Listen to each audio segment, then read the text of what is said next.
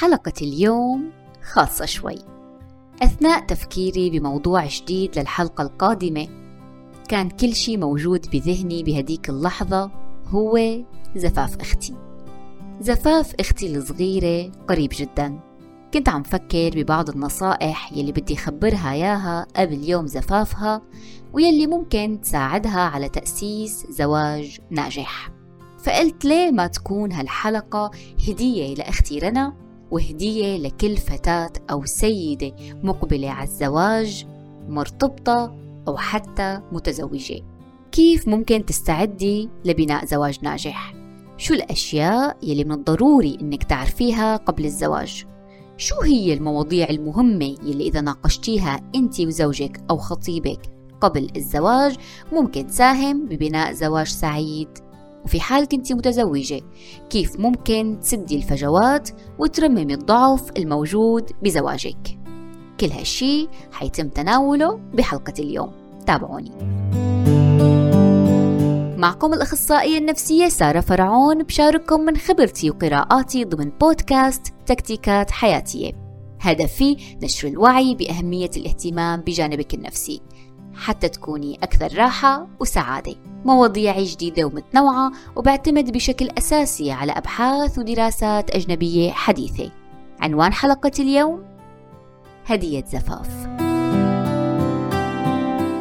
بتكوني ماشية بالطريق أو عم تمارسي شغلك عادي بمكان عملك. ممكن تكوني قاعدة بالمطعم عم تتناولي وجبة غدائك أو ببساطة داخلة تقدمي القهوة لشخص تقدم لخطبتك تتلاقى نظراتكم تشعري بشعور غريب نغزة خفيفة بالقلب وأحيانا بتمتد للمعدة كمان. ما بتعرفي شو سببها ومع الوقت تكتشفي إنه طلع هالشي هو الحب. كيف هالشخص بالذات خلق عنا هالشعور؟ عقلنا بيحتوي على شيء اسمه خارطة الحب أو Love Map. خارطة الحب هي عبارة عن الصورة الذهنية الموجودة عند الشخص عن الزوج المثالي وعلاقة الحب المثالية. هالمصطلح هاد هو مصطلح علمي وموجود بالقاموس النفسي للجمعية الأمريكية لعلم النفس. في فكرة كتير مهمة هون. هي الصورة الذهنية. شو مصدرها؟ يا ترى الممثل الفلاني؟ ولا هداك المغني؟ ولا والدي أو حتى صفات من والدتي حتى لو كان الوالد قاسي ومشاعر الفتاة سلبية تجاهه ممكن أنه تنجذب لشخص بيشبه والدها لأنه الإنسان بيحب الشيء المألوف وبيميل لينجذب له بشكل غير واعي إذا لما بتشوفي شخص متطابق شكله وصفاته مع خارطة الحب اللي بدماغك برن جرس الإنذار بعقلك. ليعلن أنه تم الوقوع بحب هذا الشخص. بيبدأ جسمك فورا بإفراز الهرمونات الخاصة بالحب مثل الدوبامين ويلي هو مرتبط بالشعور بالمكافأة وبيخليكي تشعري بالمتعة. ومثل كمان هرمون تاني يلي هو الإكسيتوسين يلي بيخليكي تشعري بالترابط مع الطرف الآخر. هالشي كمان بينعكس على جسمك. دقات قلبك بتتسارع ممكن تبدأي ترشفي تشعري بالتوتر وممكن توقعي فنجان القهوة. مع هالجرعة الكبيرة من الهرمونات المكان المسؤول عن التفكير المنطقي بالدماغ بتكون فعاليته ضعيفة. وهيك بتصير الحياة كلها وردية. وخلال هالفترة طبعا حتكوني شايفة الطرف الآخر كتير مثالي وخالي من العيوب. وحتى لو في عيوب معلش بكرة بيتغير الحب بيغير. أهم شي الحب. للأسف أبدية الوقوع بالحب هو شي خيالي وما له حقيقي. عملت الدكتورة النفسية دورثي تينوف دراسات كتيرة على ظاهرة الوقوع بالحب واستخدمت المئات من الأزواج والزوجات. كانت نتيجة هي الدراسات أنه مدة الحب الرومانسي سنتين فقط. وطبعا هي النتيجة يعني ما لا نهائية ممكن تختلف من شخص لآخر أو من علاقة لأخرى.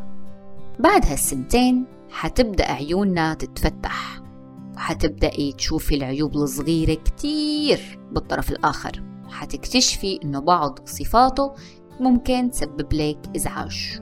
ممكن أحيانا تجرحك فبتبدأي تشوفي الصفات اللي كنت تتغاضي عنها لما كنتي ببداية الوقوع بالحب. وهون بتكون بدأت بداية النهاية. انتهى حفل الزفاف. الفستان والذهب تم وضعهم بالخزانة أو الدولاب وكل شي صار عبارة عن ذكريات. أهلا بكم بالحياة الحقيقية. جرعة الهرمونات خلصت والتفكير المنطقي اشتغل. أوه طلع عصبي. ليه هيك صوته عالي؟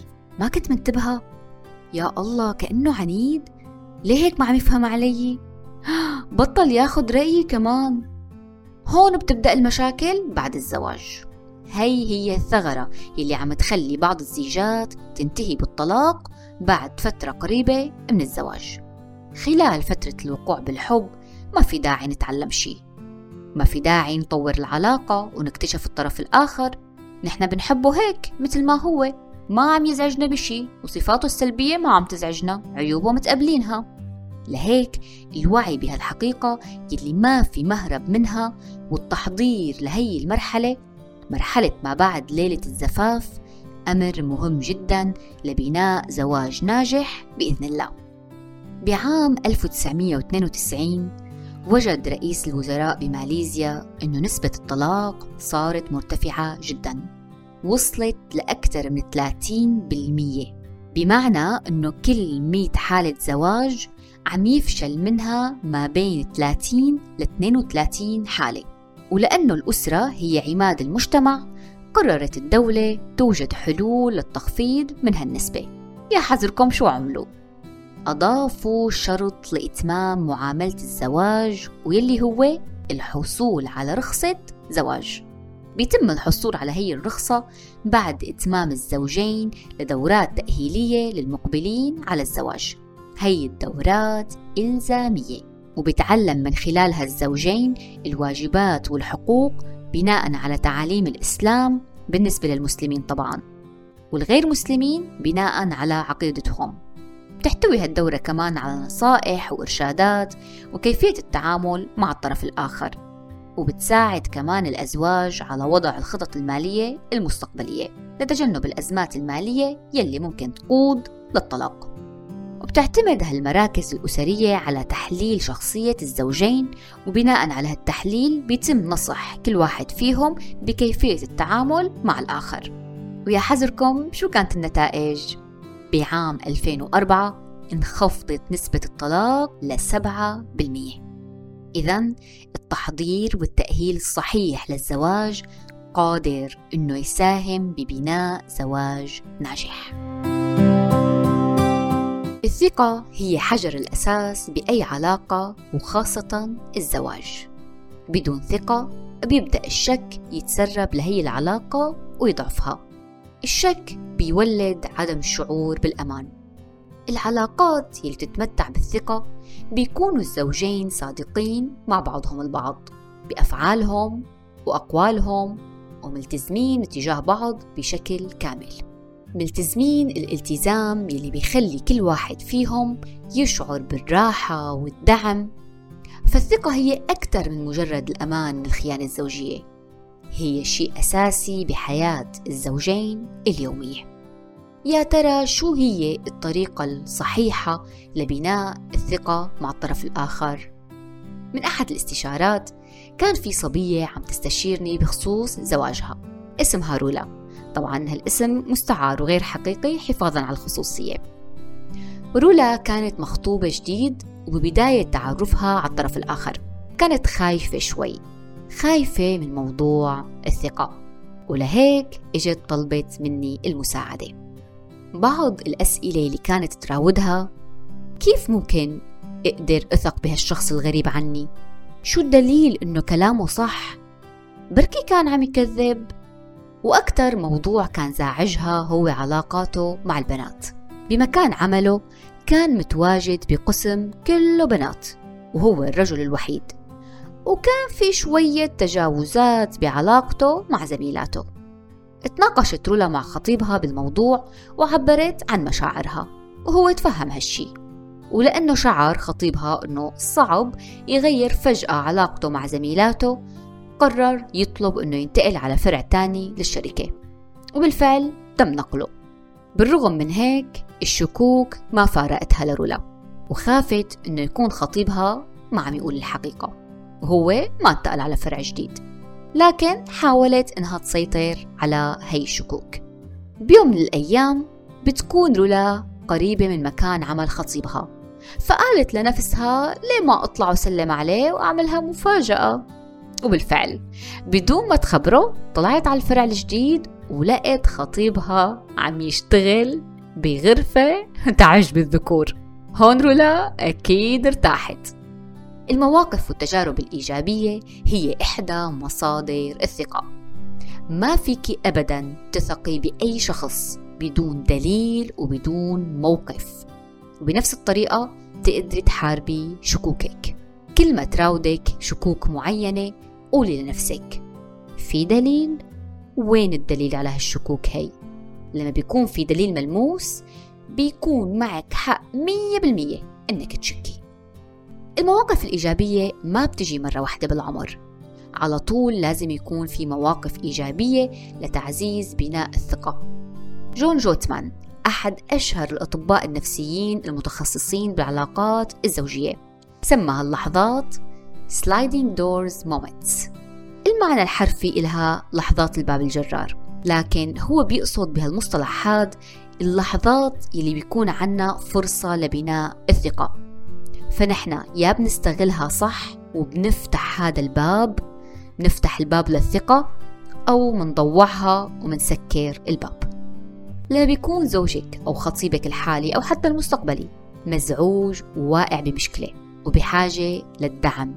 لكن الدعم عند الرجل بيكون أحيانا عبارة عن أنه محتاج أقعد أو أجلس مع نفسي شوي. لما بتتفهمي هالشي وبتكبتي رغبتك إنك تسمعي منه شو صاير بالضبط هون بتكوني عم تبني ثقة. لما بيصير موقف مع زوجك وهو متأكد مية بالمية إنه إذا عرفتي بهذا الموقف حتنزعجي. ورغم هيك قرر يخبرك حتى ما يخون الثقة. هون كمان بيكون زوجك عم يحاول يبني معك ثقة. في طريقة تانية لبناء الثقة السمعة الطيبة. السمعة الطيبة مصدر ممتاز لبناء الثقة. دائما حاولي عرفي كيف الناس بتحكي عن زوجك أو خطيبك أو عن هذا الإنسان اللي بدك ترتبطي فيه. كيف هو كمان بيحكي مع الناس؟ كيف بيعامل الناس؟ بيكذب؟ بيخدع؟ لا تقولي أنا غير. رح يجي يوم ويعاملك بنفس الطريقة. فانتبهي. أثناء تطوعي بمؤسسة تعليمية بهدف تعليم الطلاب اللغة الإنجليزية وبعد ما انقضت الدورة اللي كان مدتها تقريبا أربع شهور سألت الطلاب عن رأيهم بالدورة وإذا لمسوا أي تطور بلغتهم. في طالب خبرني شي كتير حلو قال لي قبل ما أقوي لغتي الإنجليزية كنت لما أسمع شخص عم يحكي إنجليزي أتوتر لأني ما عم بقدر أفهم كل شي عم يحكي. بس هلأ بعد ما قويت لغتي الإنجليزية وصارت أقوى صرت أشعر بالمتعة. لما أسمع شخص أجنبي عم يحكي لأني عم بفهم عليه حتى لو كان عم يحكي بسرعة. من التوتر للمتعة. هالأمر بينطبق على الفروق بين الجنسين الرجال والنساء. كل واحد فيهم له لغة خاصة. لما نحن ما بنعرف أو ما بنحاول إنه نحكي فيها أو نفهمها بتوقع المشاكل والصدامات. بس لما نحن نتعرف على اللغة الخاصة بالجنس الآخر كتير رح يختلف التواصل بيناتنا ورح نلاقي إنه في كتير مشاكل اختفت لأنه معظم المشاكل اللي بتصير بين الزوجين هي سببها الجهل بالفروق بين الجنسين مو بسبب شخصية أحد الزوجين. فمن الضروري نكون واعيين أنه الرجال والنساء بيختلفوا بالتركيب العقلي التركيب الفيزيولوجي وبطريقة التواصل كمان. وهالشي منطقي جدا كونه كل طرف بيفرز جسمه هرمونات مختلفة بتساهم بتشكيل شخصيته طريقة تفكيره وتصرفاته وبتخليها مختلفة. أحد الاختلافات الواضحة والشائعة واللي ممكن تسبب مشكلة حقيقية عند عدد كبير من الأزواج هي موضوع التواصل. نحن كإناث بنستخدم التواصل والكلام بغرض الاسترخاء والمتعة والتخلص من الضغوط. بينما الكلام عند غالبية الرجال هو لنقل المعلومات فقط. يعني لازم يكون عنده غرض من الحكي. الاحتياجات. احتياجات الرجل مختلفة تماما عن احتياجات المرأة. المرأة تحتاج للحب للحنان الهدايا والكلام الحلو الرومانسي. بينما الرجل بيحتاج للإعجاب والتقدير. بيحب يشعر أنه هو ذو قيمة عندك. لهالسبب بيكون الرجل حساس للنقد كتير أكثر من المرأة. المرأة بتتعامل بشكل أفضل من الرجل بموضوع النقد. ولسه في كتير اختلافات. بنصحك بشدة إنك تقرأي وتبحثي بهالموضوع لتعرفي كيف ممكن تتعاملي مع كل اختلاف. وبتقدري كمان تراجعي سلسلة الاختلافات بين الجنسين موجودة تحت هاشتاج الاختلافات بين الجنسين الموجودة على صفحة تكتيكات حياتية على الفيسبوك. بيوم من الأيام رأى الملك بالمنام إنه أسنانه عم تتساقط. تعجب من هالحلم وبدأ بالبحث عن شخص يفسر له إياه. وبعد البحث وجد شخص خبير بتفسير الأحلام وسأله عن تفسير الحلم. قال له المفسر أوه عيلتك كلها بدها تموت قبلك وكل الناس اللي بتحبهم حيموتوا وإنت بدك تضل عايش. بعد ما سمع الملك هيك انزعج كتير وعصب من المفسر وطلب بإعدامه. رجع الملك يبحث عن شخص آخر وبعد البحث الطويل وجد شخص حكيم وسأله عن تفسير هالحلم. قال له الشخص الحكيم ما شاء الله تفسير هالحلم إنه بده يكون عمرك طويل ومديد وحتعيش كتير. شي كتير حلو. الملك كتير فرح بهالشي وصرف مكافأة كبيرة لهالشخص الحكيم. لحظة مو كأنه تفسير الحكيم نفس تفسير المفسر السابق اللي تم إعدامه؟ نعم هالشي صحيح. لكن كل شخص حكى التفسير بأسلوب مختلف. كل محادثة ممكن تنحكى بأكثر من أسلوب وطريقة والأسلوب والطريقة اللي نحكي فيها بتأثر بشكل أساسي على ردة فعل الطرف الآخر. لهيك تعلم مهارات التواصل مهارة مهمة جدا بالزواج وبتساهم ببناء زواج ناجح وسعيد. من أهم الخطوات اللي بتقود لتواصل فعال هي استخدام عبارات أنا بدل من عبارات أنت. أنا مزعوجة كتير إنه ما عم نطلع مع بعض. أكيد هاي العبارات حتكون كتير ألطف من أنت ما عم تاخدني مشوار. أنت دائما بالشغل. أنت ما عم تحس فيني. استخدام كلمة أنت. تشعر الطرف الآخر إنه مهاجم. فبدل ما يستمع لحاجاتك والشي اللي بدك إياه بيبدأ بالدفاع عن نفسه. اختيار الوقت المناسب. أحيانا بتكون طريقة تواصلنا كتير لطيفة لكن لأنه اخترنا وقت غير مناسب للتعبير عن طلبات أو احتياجات معينة هالشي ممكن يؤدي لمشاكل وخلافات. انتبهي للغة جسدك.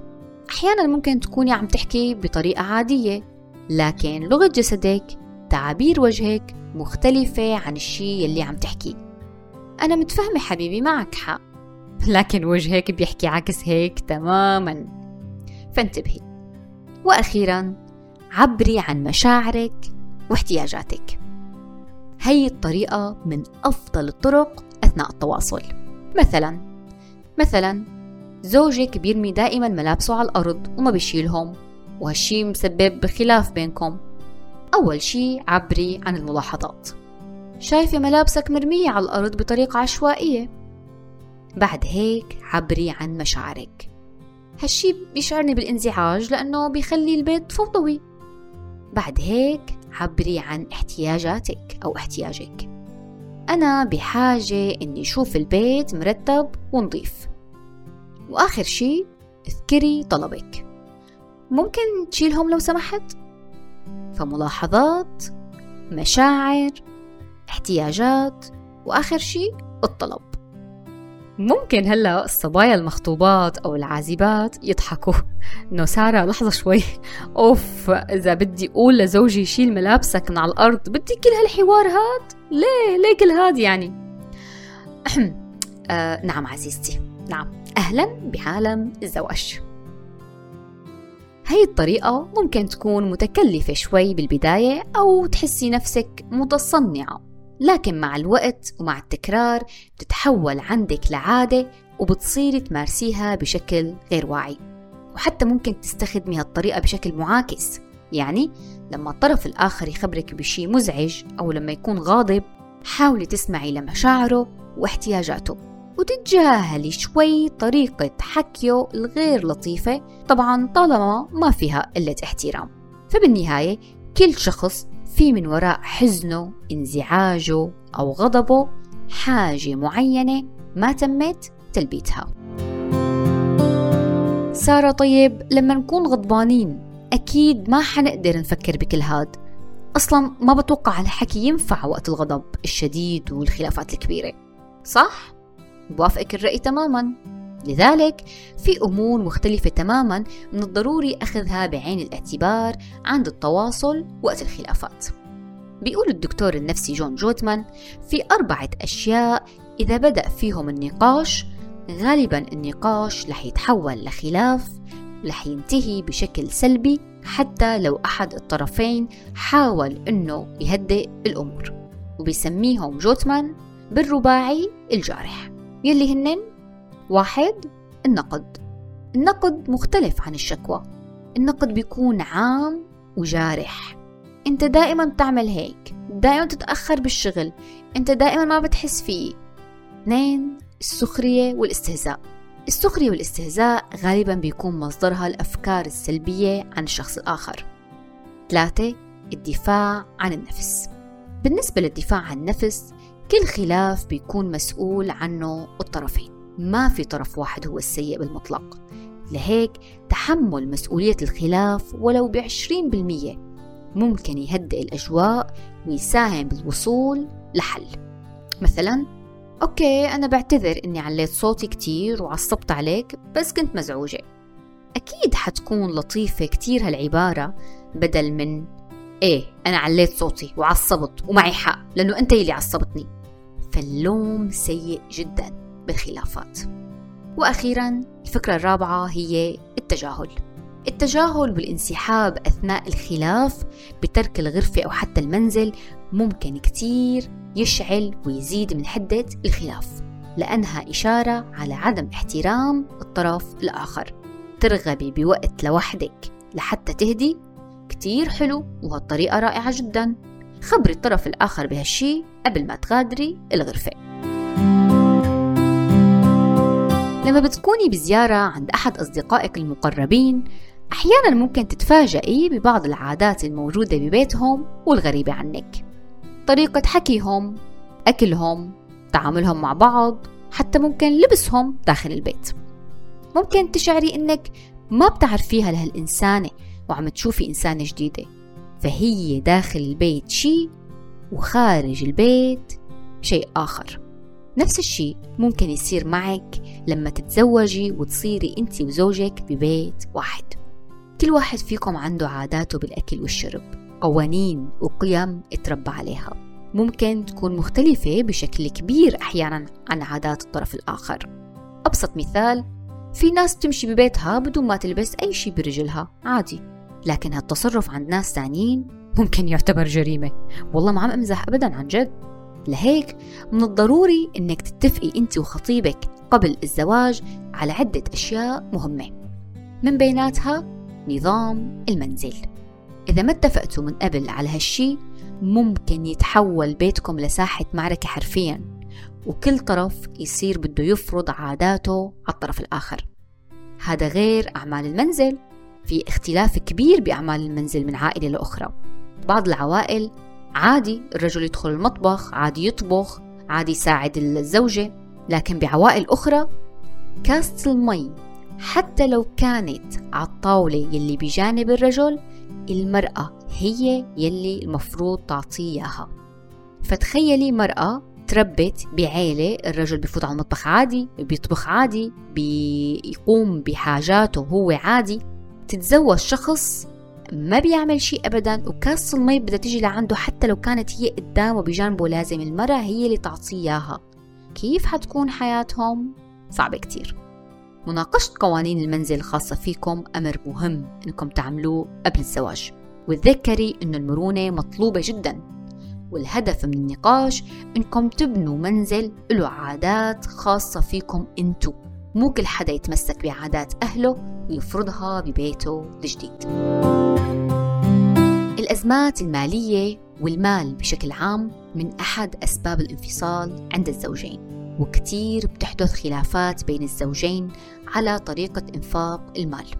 لهيك مناقشة الأمور المالية من الأشياء المهم مناقشتها جدا قبل الزواج.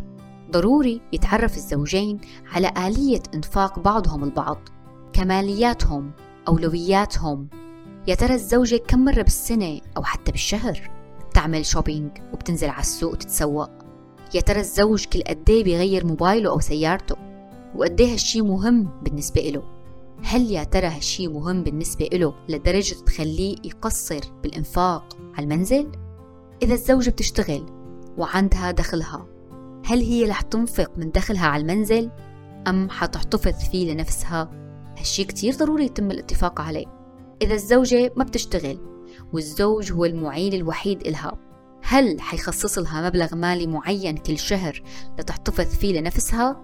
ولا حيتبع أسلوب كل ما احتجتي شي خبريني وأنا بعطيكي مصاري؟ كل هالأشياء من المهم جدا أنكم تناقشوها. بيقول جون جوتمان تقريبا السبب الرئيسي للطلاق هو غياب الصداقة والقرب بين الزوجين. قبل الزواج من الضروري إنكم تتفقوا إنكم تكونوا أصدقاء. اعتنوا ببعض. اهتموا بعلاقتكم. علاقتكم ما رح تكبر وتقوى لحالها مثل قبل الزواج. وهالشي طبعا كان يصير بفعل الهرمونات. اختفت الهرمونات. وهلأ صار لازم تبذلوا جهد للحفاظ على هالعلاقة. بحب كتير شبه الزواج بالنبتة. إذا ما سقيتيها واهتميتي فيها بتذبل وبتموت. اعملوا دائما نشاطات مع بعض. شوفوا فيلم مارسوا رياضة اطلعوا امشوا تعشوا بمطعم مرتب. اعملوا سهرة لطيفة بالبيت اطلعوا برحلة. ممكن تطبخوا سوا. احلموا خططوا لحياتكم واطلعوا بأهداف جديدة دائما. شاهدوا صوركم القديمة تبع أيام الخطبة. تذكروا هالذكريات الحلوة. واصنعوا ذكريات حلوة جديدة. لما تحدث رب العالمين بكتابه الكريم عن العلاقة بين الزوج والزوجة قال وجعل بينكم مودة ورحمة ما قال حب ما قال عشق مودة ورحمة. شو الفرق بين الحب والود؟ الحب هو صفة نفسية عاطفية. لكن الود هي صفة عملية وهي أثر سلوكي متفرع من الحب. فالشخص اللي بيحب الآخر رح يظهر له المودة. فبين القرآن الكريم أنه بالزواج الجانب العملي مهم أكثر من الجانب النفسي. بمعنى آخر قبل الزواج إذا قالك بحبك بدون ما يساوي أي شيء هالشي كافي بالنسبة إلك وحيخليك كتير مبسوطة.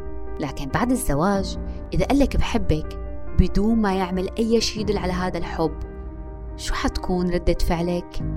إذا الحب الصادق الحقيقي هو اللي بيتبعه فعل تخطيط وجهد لإنجاح هي العلاقة الرائعة المقدسة يلي هي الزواج بتمنى تكون عجبتكم حلقة اليوم تقدروا تخبروني رأيكم عن طريق صفحة تكتيكات حياتية على الفيسبوك اليوتيوب أو الإنستغرام. إما عن طريق comment أو رسائل الصفحة. ولا تنسوا تعملوا subscribe أو متابعة و like للحلقة على اليوتيوب. بتقدروا كمان تحجزوا معي استشارة نفسية عن طريق رسائل الصفحة. دمتم دائما بصحة نفسية. ألف مبروك.